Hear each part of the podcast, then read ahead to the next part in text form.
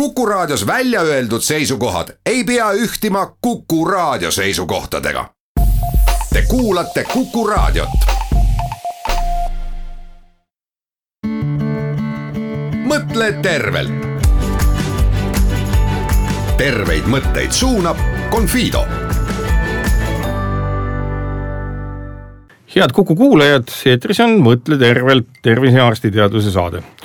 No mida inimesed teevad aastavahetusel, annavad kõikvõimalikku lubadusi, mida vaid, noh lubatakse, ma ei tea, majale uus katus panna ja muudki teha, aga ühed lubadused, mida kindlasti antakse, on see, et ühest, teisest, kolmandast pahest olen ma järgmisel aastal täiesti vaba, see on minu lubadus. kui paheks on mõni tõsine sõltuvus, siis ei tea, kas lubaduse andmine aitab ja mida see endaga kaasa toob. ühesõnaga äh, sõltuvustest, põhiliselt küll sõltuvusest alkoholist ja sellega toimetulekust olemegi kutsunud tänasesse saatesse külla DSF Kliiniku äh, ja Confido erameditsiinikeskuse sõltuvusnõustaja Kaja Heinsalu, tervist tere ja head kainet uut aastat kõigile. kuidas siis on nende sõltuvustega, et äh, kui sõltlane, näiteks alkoholisõltlane, ütleb uue aasta lubaduse, tõstes veel pitsi ja öeldes, et see on minu viimane pits vanal aastal, uuel aastal mitte piiskagi, palju nendest lubadustest reaalselt abi on inimesele? Mm, no neid, äh, neid luba-, see on ilmselt üks kõige enam antud lubadus. Äh, jätta maha kas suitsetamine, jätta maha joomine ja ei ole kahjuks nendest üldse abi. et kahekümne esimene jaanuar pidi olema statistiliselt äh, aasta kõige õnnetum päev sellepärast, et enamus nendest lubaduse andjatest murdub umbes kolme nädala pärast. ja selline keskmine on kuu-poolteist ehk ainult lubadusest, äh, et ma enam ei joo, äh, siiski alkoholisõltuvusega toimetulekuks äh, kindlasti ei piisa me oleme tegelikult ju samas Mõtle tervelt saates ka varem rääkinud alkoholisõltuvusest ja selle kujunemisest. mille poolest see alkoholisõltuvus võib, küsime teistpidi, et kuidas see üldse välja kujuneb, sellepärast inimesel ju ei ole noh, mingit spetsiifilist retseptorit, mis ütleb, et oi, nüüd ma ei ole etanooli saanud, et tahaks veel saada ja veel saada. et kuidas selle alkoholisõltuvuse väljakujunemine niimoodi, et see kinnistub inimesse sedavõrd tugevalt üldse toimub? No alkoholisõltuvus algab alati alkoholi tarvitamise, juhuslikust tarvitamisest. ja mitte ükski inimene ei hakka tarvitama alkoholi kavatsusega jääda sellest sõltuvusse. ja noh sageli ikkagi need esimesed äh, proovimised äh, jäävadki muuseas just nimelt sinnasamasse uude aastasse, kus äh, võetakse koos sõpradega juba võib-olla siis niisuguses üsna varases teismeeas oma esimesed napsud. ja, ja seal ei kaasne noh, ju mingisuguseid niisuguseid negatiivseid tagajärgi. et nimetame seda niisuguseks roosa tarvitamise perioodiks, kus inimene isegi võib-olla tunneb, et ta on avastanud mingisuguse suure saladuse. kuidas, kuidas lõõgastuda, kuidas tunda ennast hästi ja see on see selline nagu võib öelda nagu edukogemus, mille saab inimene. et vau noh kui lihtne see oli ja kui, kui äge see oli ja aju jätab selle meelde ja tahab seda korrata ja sealt tegelikult algab üks üks teekond, mis viib äh, lõpuks välja sõltuvuseni. no muidugi on öeldud ka seda, et äh, alkohol, viin või kuidas me iganes seda nimetame, on ennekõike no arukate inimeste jook, see on ma saan aru, osa mingisugusest kultuurist, osa mingisugusest toimimisest. kas, kas sellest oleks mingit abi kui joomist kui kultuurinähtust õpetatakse ka siis äh, täisealistele juba kusagil koolis või peaksid seda tegema vanemad või mismoodi vältida seda äh, nii-öelda vaimustumist joomisest ja kas see üldse on mingisuguse õpetuse või toimingutega võimalik? Vaata see jah, me, me oleme kõik seda ju kuulnud, et see viin on tarkade inimeste jook. just, just, need no, ongi. ma nüüd küll sõltuvusnõustajana kohe üldse ei saa sellega nõustuda, sest me siis räägime, et noh, et mis diagnoosid on siis noh, tarkade omad ja millised diagnoosid on lollide omad ja. ja millised on niisugused keskmise intelligentsiga inimeste omad ja. et äh, alkoholisõltuvus äh, puudutab inimesi kõikidelt elualadelt ehk et see sõltuvus on ja. lihtsalt nii-öelda ajukalduvus. sõltuvus on haigus. ja sõltuvus on haigus ja, ja, ja see on ajuga seotud haigus. sõltuvus on ajuhaigus, ta on progresseeruv, ravimatu ja surmaga lõppev ja ainult täielik karskus on see, mis võib teha inimesest normaalse ja hoida teda ehk et siin ei ole ühtegi mudelit, et milline peaks olema kultuursem käitumine, milline peaks olema nii-öelda varases nooruses vanemate väljaõpe ja, ja soovitused teismelisele eh, inimesele, et eh, kui on kaldus jääda haigeks siis sõltumata sellest, millisel moel alkoholi tarbima hakatakse, jäädakse täiesti juhuslikult ettemääramatult haigeks. kindlasti varases teismeeas alkoholi tarvitamine ei ole kasulik mitte ühelegi noorele inimesele. Aga sõltuvusse võib haigestuda ka täiesti vabalt keskealine inimene. et ei ole ühtegi niisugust äh, nagu vanusekünnist, mus kunagi selline arvamus oli, et kui sa nüüd kahekümne esimese eluaastani või, või kahekümne viiendani ei ole kunagi alkoholi tarvitanud, siis sinust sõltlast ei saa. no minu kogemus kogemus ja, ja praktika ütleb küll seda, et inimesed on haigestunud sõltuvusse viiekümne aastaselt, hakates tarvitama unerahuks äh, sõbrannade soovitusel igapäevaselt veini ja oh seda imet, mõne aasta möödudes äh, see, mis oli ravim, on muutunud ise probleemiks, kuna alkoholi puhul on see häda, et ta annab alguses selle efekti, mida me soovime ja loodame. kui me oleme kurvad, siis me saame rõõmsaks. Äh, kui me ei jää magama, siis vein võib aidata meil magama jääda.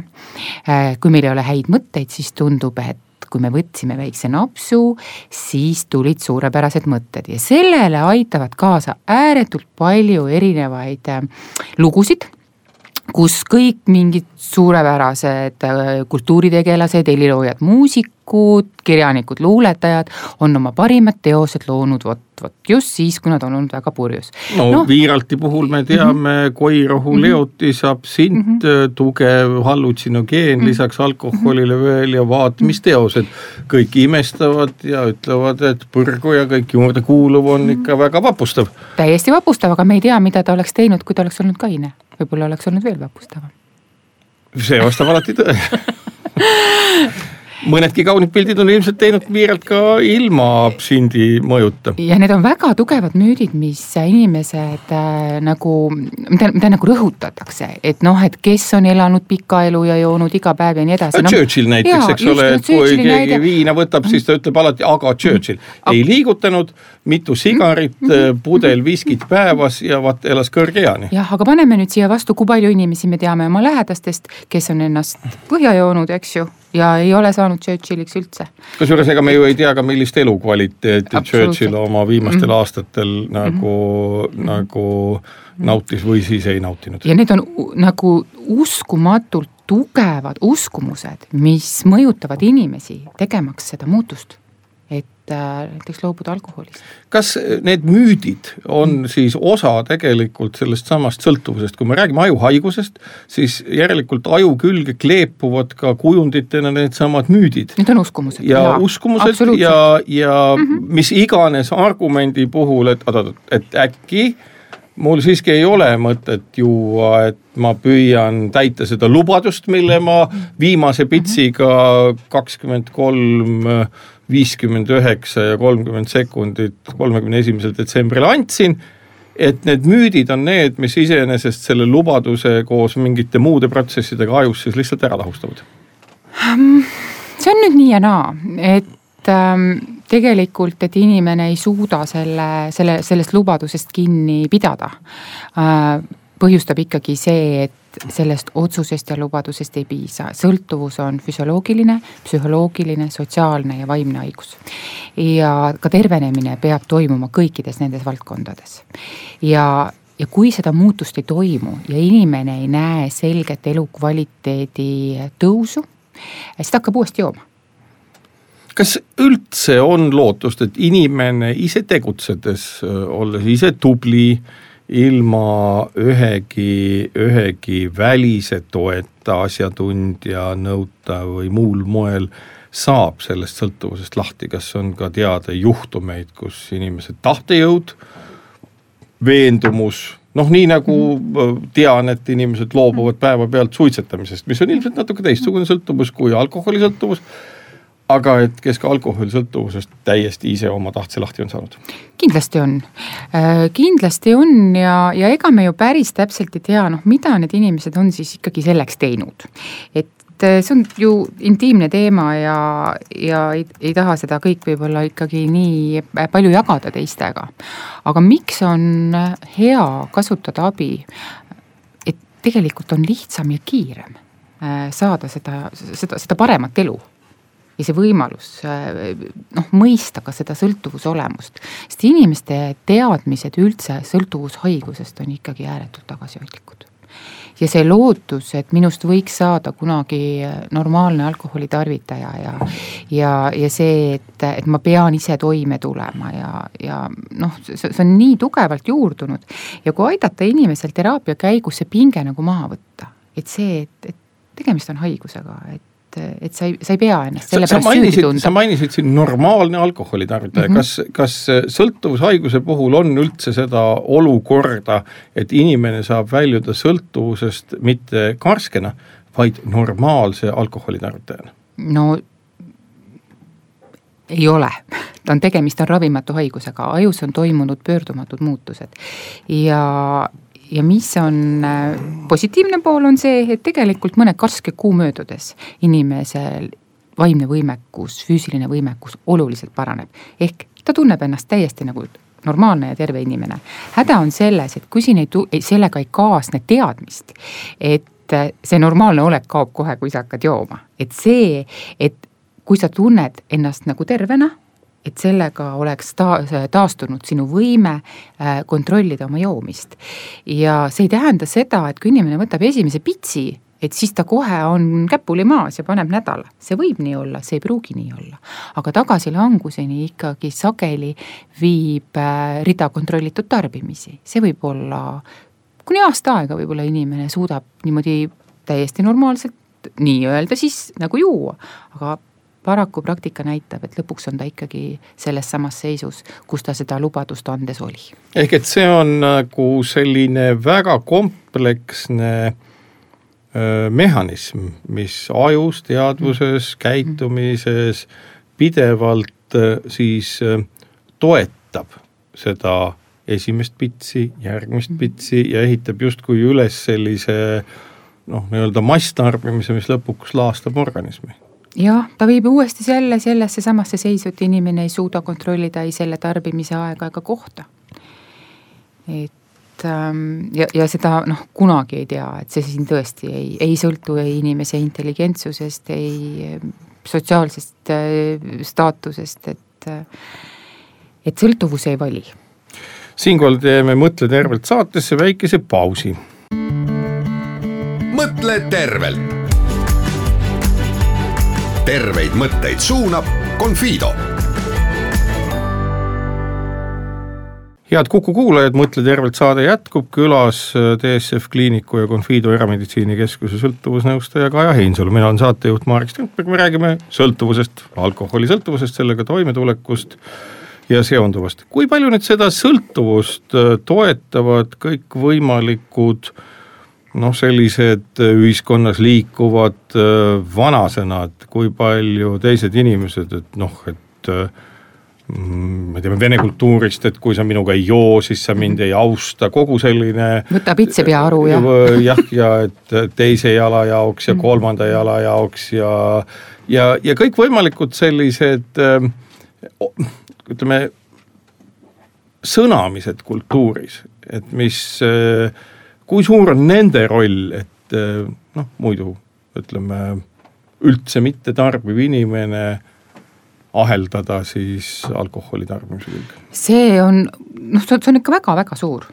et meil ikkagi see ühiskonna ootus, et sa, et sa tarvitad nagu alkoholi koos teistega, on ikkagi väga suur ja, ja sa pead selgitama seda, et, et miks sa ei joo et noh, te praktiliselt täiesti võõrad inimesed ikkagi noh, kui sa, mina ise olen pea kakskümmend kolm aastat elanud täiesti kainena ja, ja noh, praktiliselt võõrad inimesed, tulin just reisilt eile eh,, ei huvitu üldse minust. aga kui ma ei joo, siis, siis nad, siis nad äkki tohutult huvituvad, et miks ma nagu ei joo. kas sul on midagi viga, kas seda ka küsitakse? Ja igasuguseid huvitavaid asju küsitakse, ma pole kunagi sellist vastust andnud, mis ma siin paar päeva tagasi aastavahetusel siis andsin, et, et raha kulus palju.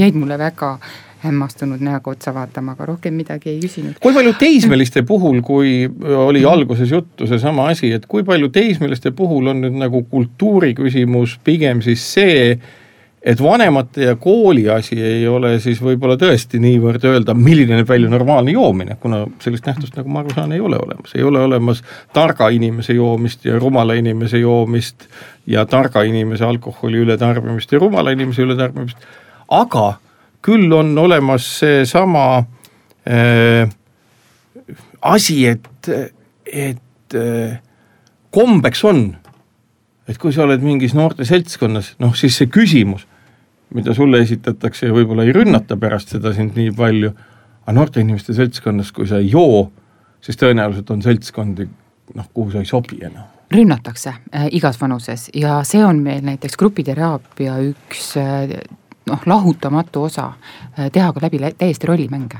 et kuidas vastata. Sest inimesed tunnevad ennast ääretult ebamugavalt, et nad äkki satuvad tähelepanu keskpunkti ja hakkama nagu kaitsma ennast, vastama küsimustele, et et noh, et mis sul siis nüüd ikkagi viga on, et miks sa ei joo, on ju. ja, ja see on ääretult ebamugav, et selleks tõepoolest tulebki inimestel täiesti ette valmistada, et milliseid vastuseid siis nagu anda, on ju. kas keegi on kunagi hinnanud või uurinud, kui palju sellest nii-öelda alkoholisõltuvusest kujundatakse välja selliste ühiskondlike mustritega, kui üldse, üldse seda kuidagi uurida saab? Just nimelt sellesama nii-öelda ründamismehhanismi kaudu, et noh, sa ei joo, sa ei austa, sa oled ebaviisakas, kõik ju joovad, et meil on siin matupeied, eks ole, et noh, et kas sa, kas sa siis ei võtagi pitsi kadunukuse mälestuseks? kadunuk on täiesti kurb, kui sa ei joo, eks ju. Yeah.. et ei, ei, me tea, et seda oleks nagu uuritud, aga ma ei teatud muutused on toimunud ja muutumas on, võib öelda siis nagu muutumas ühiskonna tasandil, et, et seda juba ei peeta alati heaks tooniks, äh, seda siis küsida või aga, aga siiski see pakub inimestele ääretult palju huvi et, et miks sa siis ikkagi ei joo. miks sa ei ole ja nagu meie? sa siis ikkagi noh, kuidas siis nüüd ikka on ja, ja noh, kuidas sa siis ikka nagu kohe neid asju teed ja neid teisi asju teed ja et, et noh, et elu võimalikkusest kainena tundub ka täiesti normaalsetele, noh, ma ütleks ikkagi noh, mitte sõltlastele siis, üheksakümmend protsenti inimestest on ikkagi täiesti selli-, inimesed, kes ei ole sõltlased, aga, aga nende ootus on ikkagi ka see, et, et kõik inimesed tarbivad mõõdukalt ja, ja kui sa siis üldse ei tarbi, siis see huvi sinu vastu oluliselt tõuseb küll. aga, aga sõltuvusravi. aga see alguses... huvi on siis ähm, uudishimu või see huvi on nagu see, et ahah, et et siin on veel keegi, kes on meie hulgas ja keda me ei ole suutnud allutada oma kommetele või milline see huvi on? ei tea, noh, kui ma nüüd endast räägin, siis noh, minu puhul on see kainus nii pikk olnud, et minu, tekib hästi inimestel hästi palju küsimusi, et noh, tõesti selline siiras huvi, et noh, et elu võimalikkusest kainusest, kainena, et noh, et need asjad ja need asjad.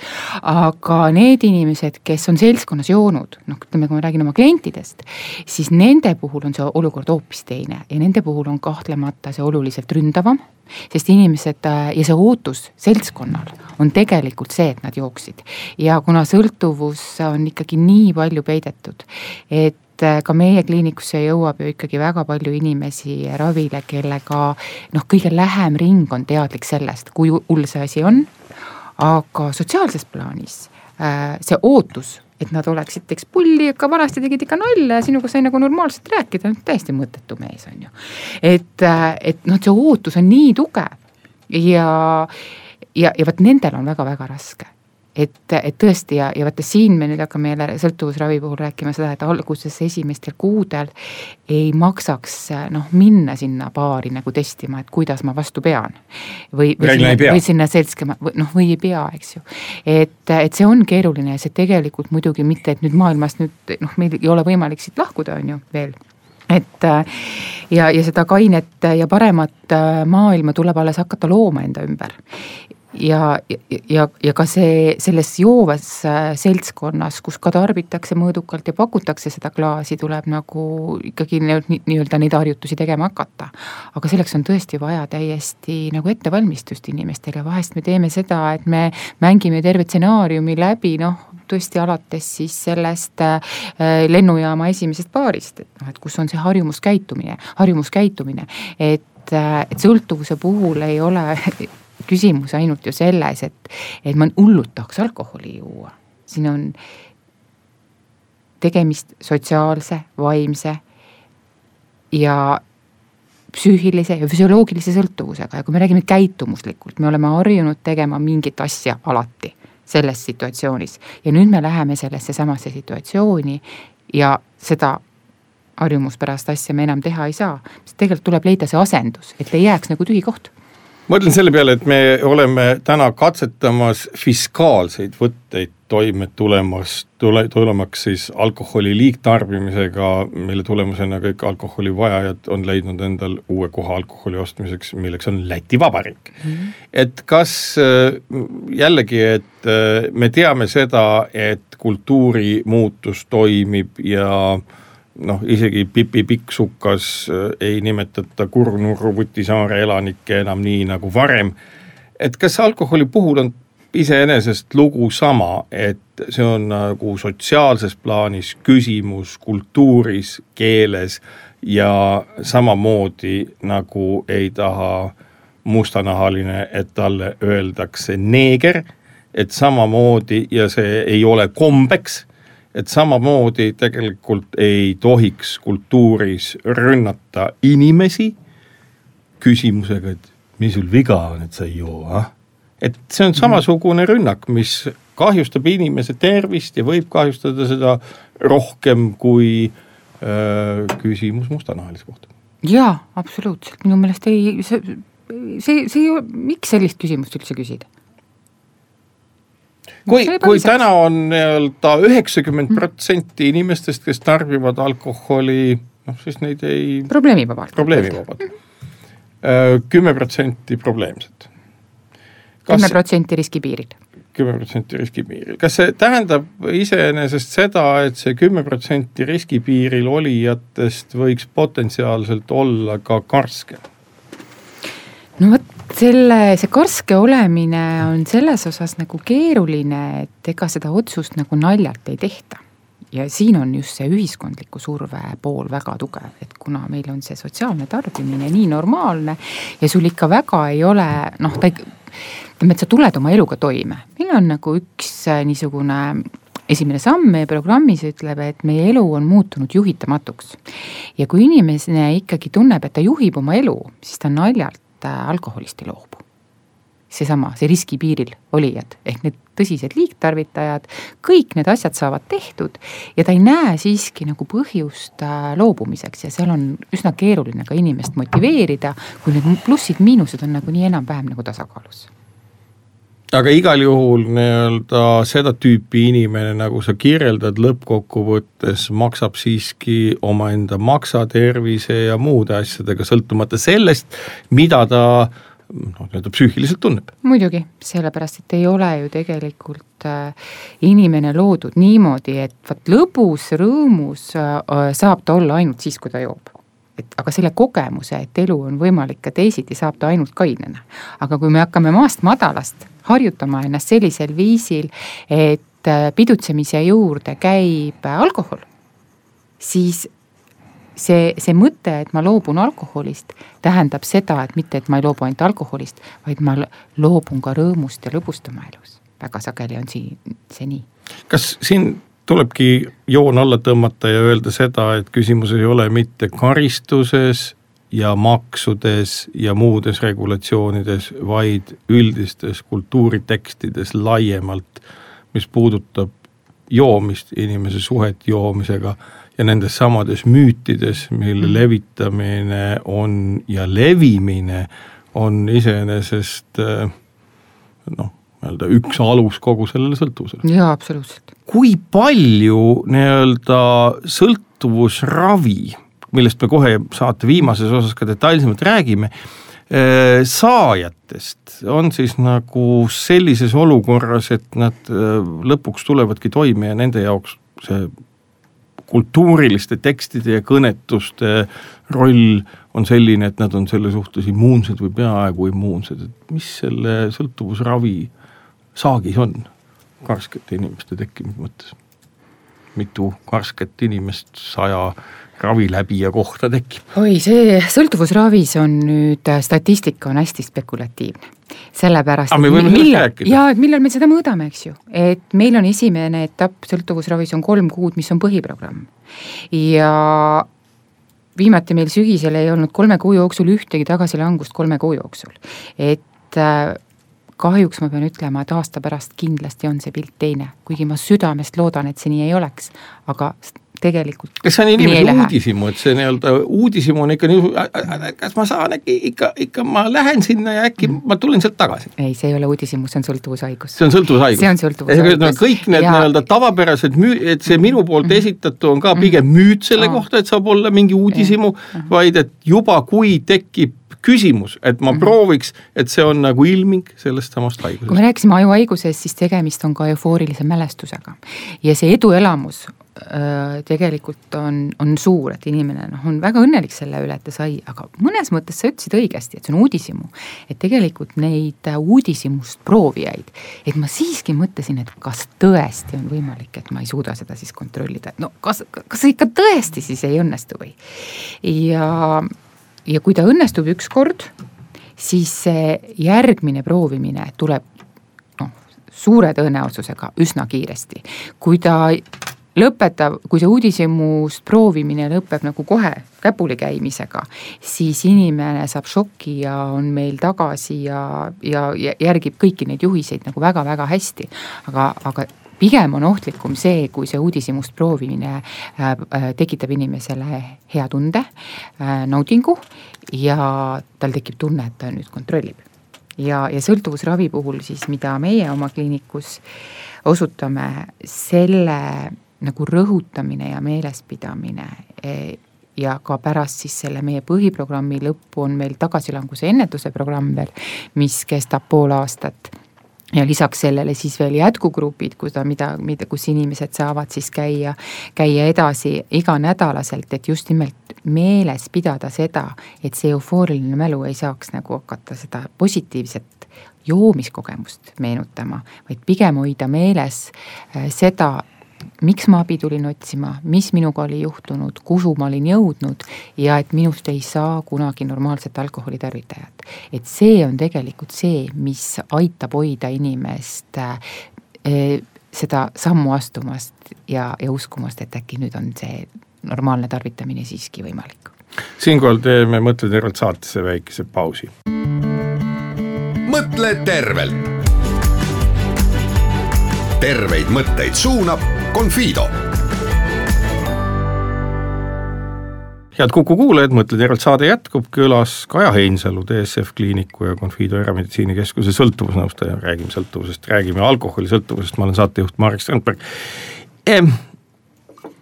räägime nüüd sellest teraapia poolest, milline see välja näeb, noh, me kõik teame, et on olemas no, eneseabivõtete kogum äh, nimega anonüümsed alkohoolikud, kuhu ka inimene, kes tunneb, et ta ei saa enam ise toime tulla, läheb ka siis saama, kas see on siis nagu mõnes mõttes selline noh, ütleme rühmateraapia erivorm, kus kus lihtsalt keegi ei juhenda, vaid juhendavad need inimesed, kes seal juba eelnevalt on? jah, anonüümsed alkohoolikud on mitteprofessionaalne, toetuvad kaheteist sammu programmile ja kindlasti nad peaksid täpsemalt rääkima sellest ise siin.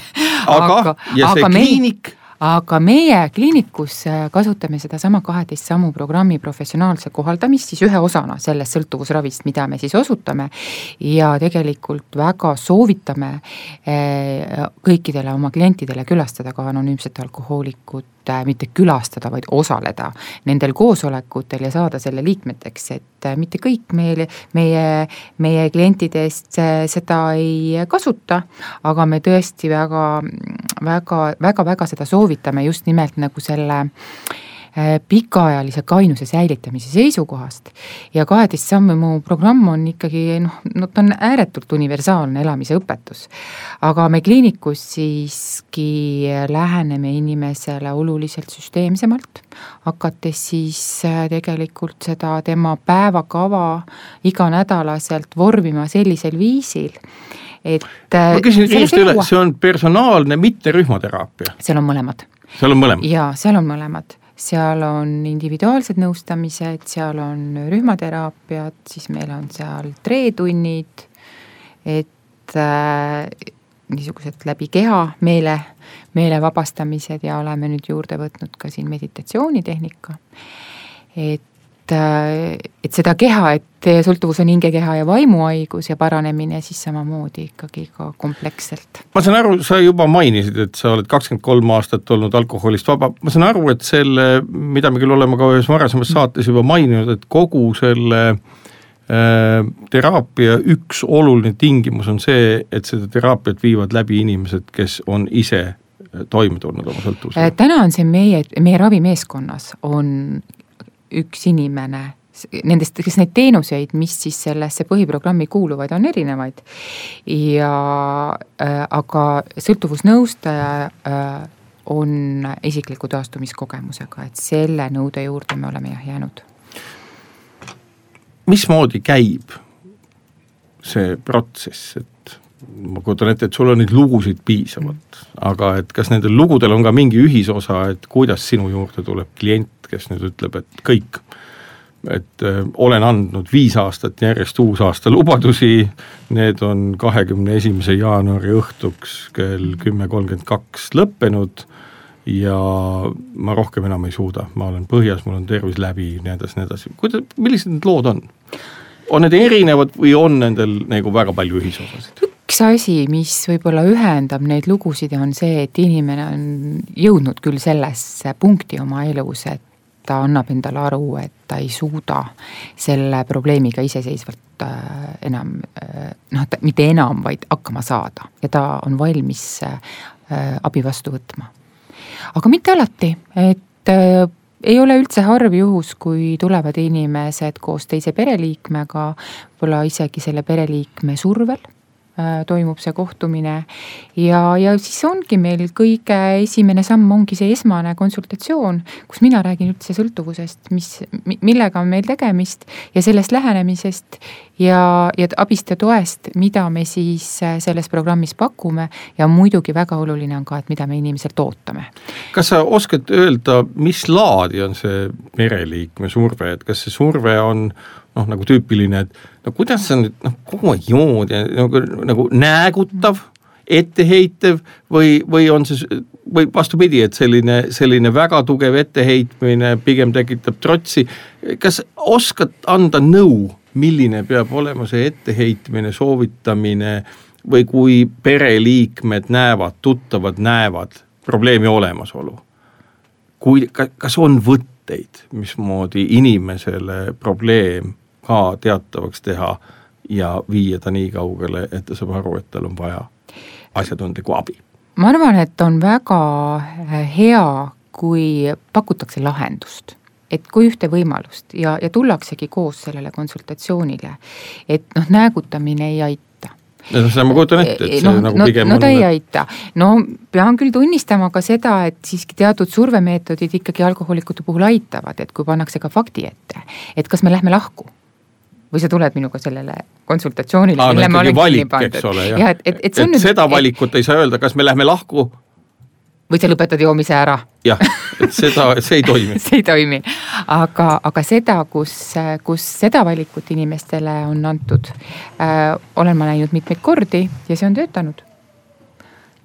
et äh,, et äh,, et see on noh tõesti ainult nagu tuldud rahuldama oma selle kaaslase soovi ja on otsustanud, otsustatud jääda et see on, need on hästi toredad, loomulikult on ka teistsuguseid.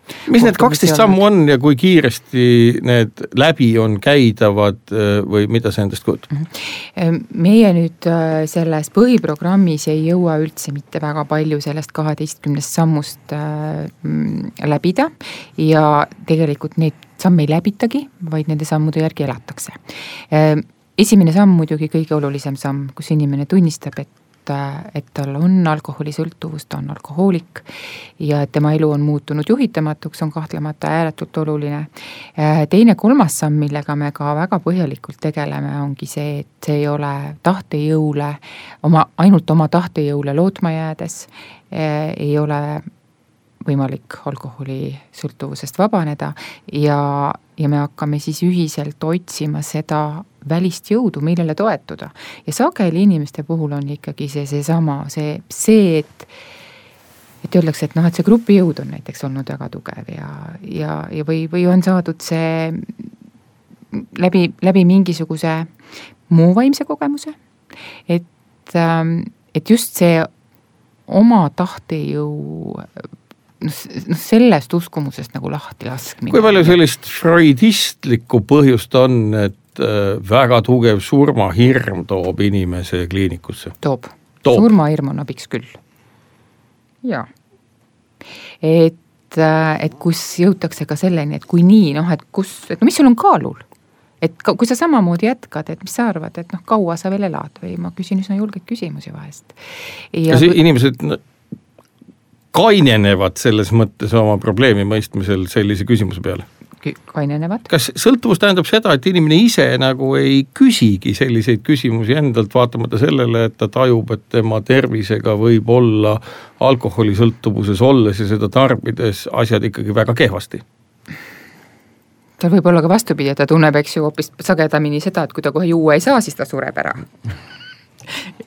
see on, see on see teema. kas see kuidas ma nüüd ütlen, inversioon päriselust on ka üks tunnus sõltuvusest, et kui, kui inimene juba tunneb, et kui ta juua ei saa, siis ta on suremas no eks ta võibki surra ju tegelikult ka võõrutuses, noh, kui ta on väga tugevas võõrutusseisundis, siis see on eluohtlik seisund, et siis tegelikult inimene vajab meditsiinilist abi küll ja ta saab seda ka meie, meie riigis. et see on noh, tegemist on väga tõsise haigusega, millesse ka surrakse. kindlasti väga paljusid huvitab äh kogu meie jutu peale üks väga lihtne küsimus. et äh, kuna Haigekassa, nagu ma aru saan, sellist võõrutusravi ei rahasta. see ei ole. jah, see, jah, see on. kas aga... kusagil üldse rahastatakse alkoholist võõrutumist? võõrutus on tegelikult emoteenus, kui inimene on eluohtlikus seisundis, me peame talle abi pakkuma aga nüüd pidades silmas sõltuvusest lahtisaamist? no sõltuvusravi meil on riiklik programm olemas ju. milles see seisneb? Mm, kainem ja tervem Eesti pakub äh, ka sõltuvusravi Euroopa rahade eest, et mul on sealt hulgaliselt patsiente tulnud. et ähm, tahaks nüüd nende teenusest pikemalt rääkida, ma seda väga hästi ise ei tunne, et, ähm, et aga tegelikult riiklikul tasemel on meil täna sõltuvusravi olemas küll, jah aga nüüd, kui rääkida T-kliiniku ravist, mis see patsiendile maksma läheb? meie kolmekuuline põhiprogramm maksab tuhat ükssada kakskümmend eurot ja sellele siis järgneb ka juba tasuta jätkuprogramm, kus on siis võimalik käia nii palju, kui inimene soovib. et see on juba niisugune võrdlusgrupp, kaheteist sammu grupp, mida siis ka juba tervenenud sõltlased, kes on meie kliiniku kliendid, ka juba ise juhivad ja hoiavad mis see siis tähendab, baaris umbes poolteist klaani veini päevas? ei, see ei tähenda üldse seda. Tähend... hinna mõttes. aa, ah, hinna mõttes? ja, ja, ja ma no, mõtlen enam... kulude mõttes, nagu meil on kombeks kõike võrrelda, öelda, et kolmeeurone kohv on kallis ja selle tarbimine tekitab meil majandusprobleemi, mis vastab tõele, et siis iseenesest loobudes klaasist veinist päevas. no vot, klaasi veini äh, jooja ei ole meie klient. Et meie kliiniku klient on ikka sihuke pudelimees. Ja, ja ütleme, keskmiselt ikka kolme kuuga on nad ikkagi nullis ja noh, niisugune neljandast-viiendast kuust hakkab nendel niisugune puhas pluss. millist garantiid neile saab anda, kas see on nagu ka selline teenus, mille puhul julged sa välja käia mingi garantii? vot garantiid me välja ei käi et selles osas äh, jah, juba teenust äh, osutama hakates äh, on klient teadlik, et me ei saa garanteerida sõltuvusest tervenemist. Aga saab juhatada inimeste tee otsa, kus tõenäoliselt tal on endal võimalus sellega ühel või teisel moel toime tulla. ja, ja see ongi see, mida ma olen väga palju, väga väljend, mida ma tõesti olen väga palju kasutanud, et me, me teeme alguse ühele, ühele, noh, see on ühe teekonna algus, mida me põhiprogrammis teeme, aga me ei jäta inimest üksi, kui see tee see, see, teekond nagu läbi, see esimene etapp sellest nagu läbi saab. sest sõltuvus on ravimatu ja progresseeruv ja see tähendab ka, et tervenemine, tervenemise protsessis on inimene kogu oma ülejäänud elu, aga mis tähendab tegelikult seda, et ta saab elada väga, vägagi kvaliteetset ja, ja tervet ja edukat inimese elu. üks küsimus on veel, mis on selline natukene põhimõtteline isegi, et et ähm, kuidas siis on, et kas need üheksakümmend protsenti ühiskonnast olevatest tarbijatest, et kas neil on sõltuvus mõõdukas või neil pole sõltuvust üldse? kuidas neid klassifitseerida?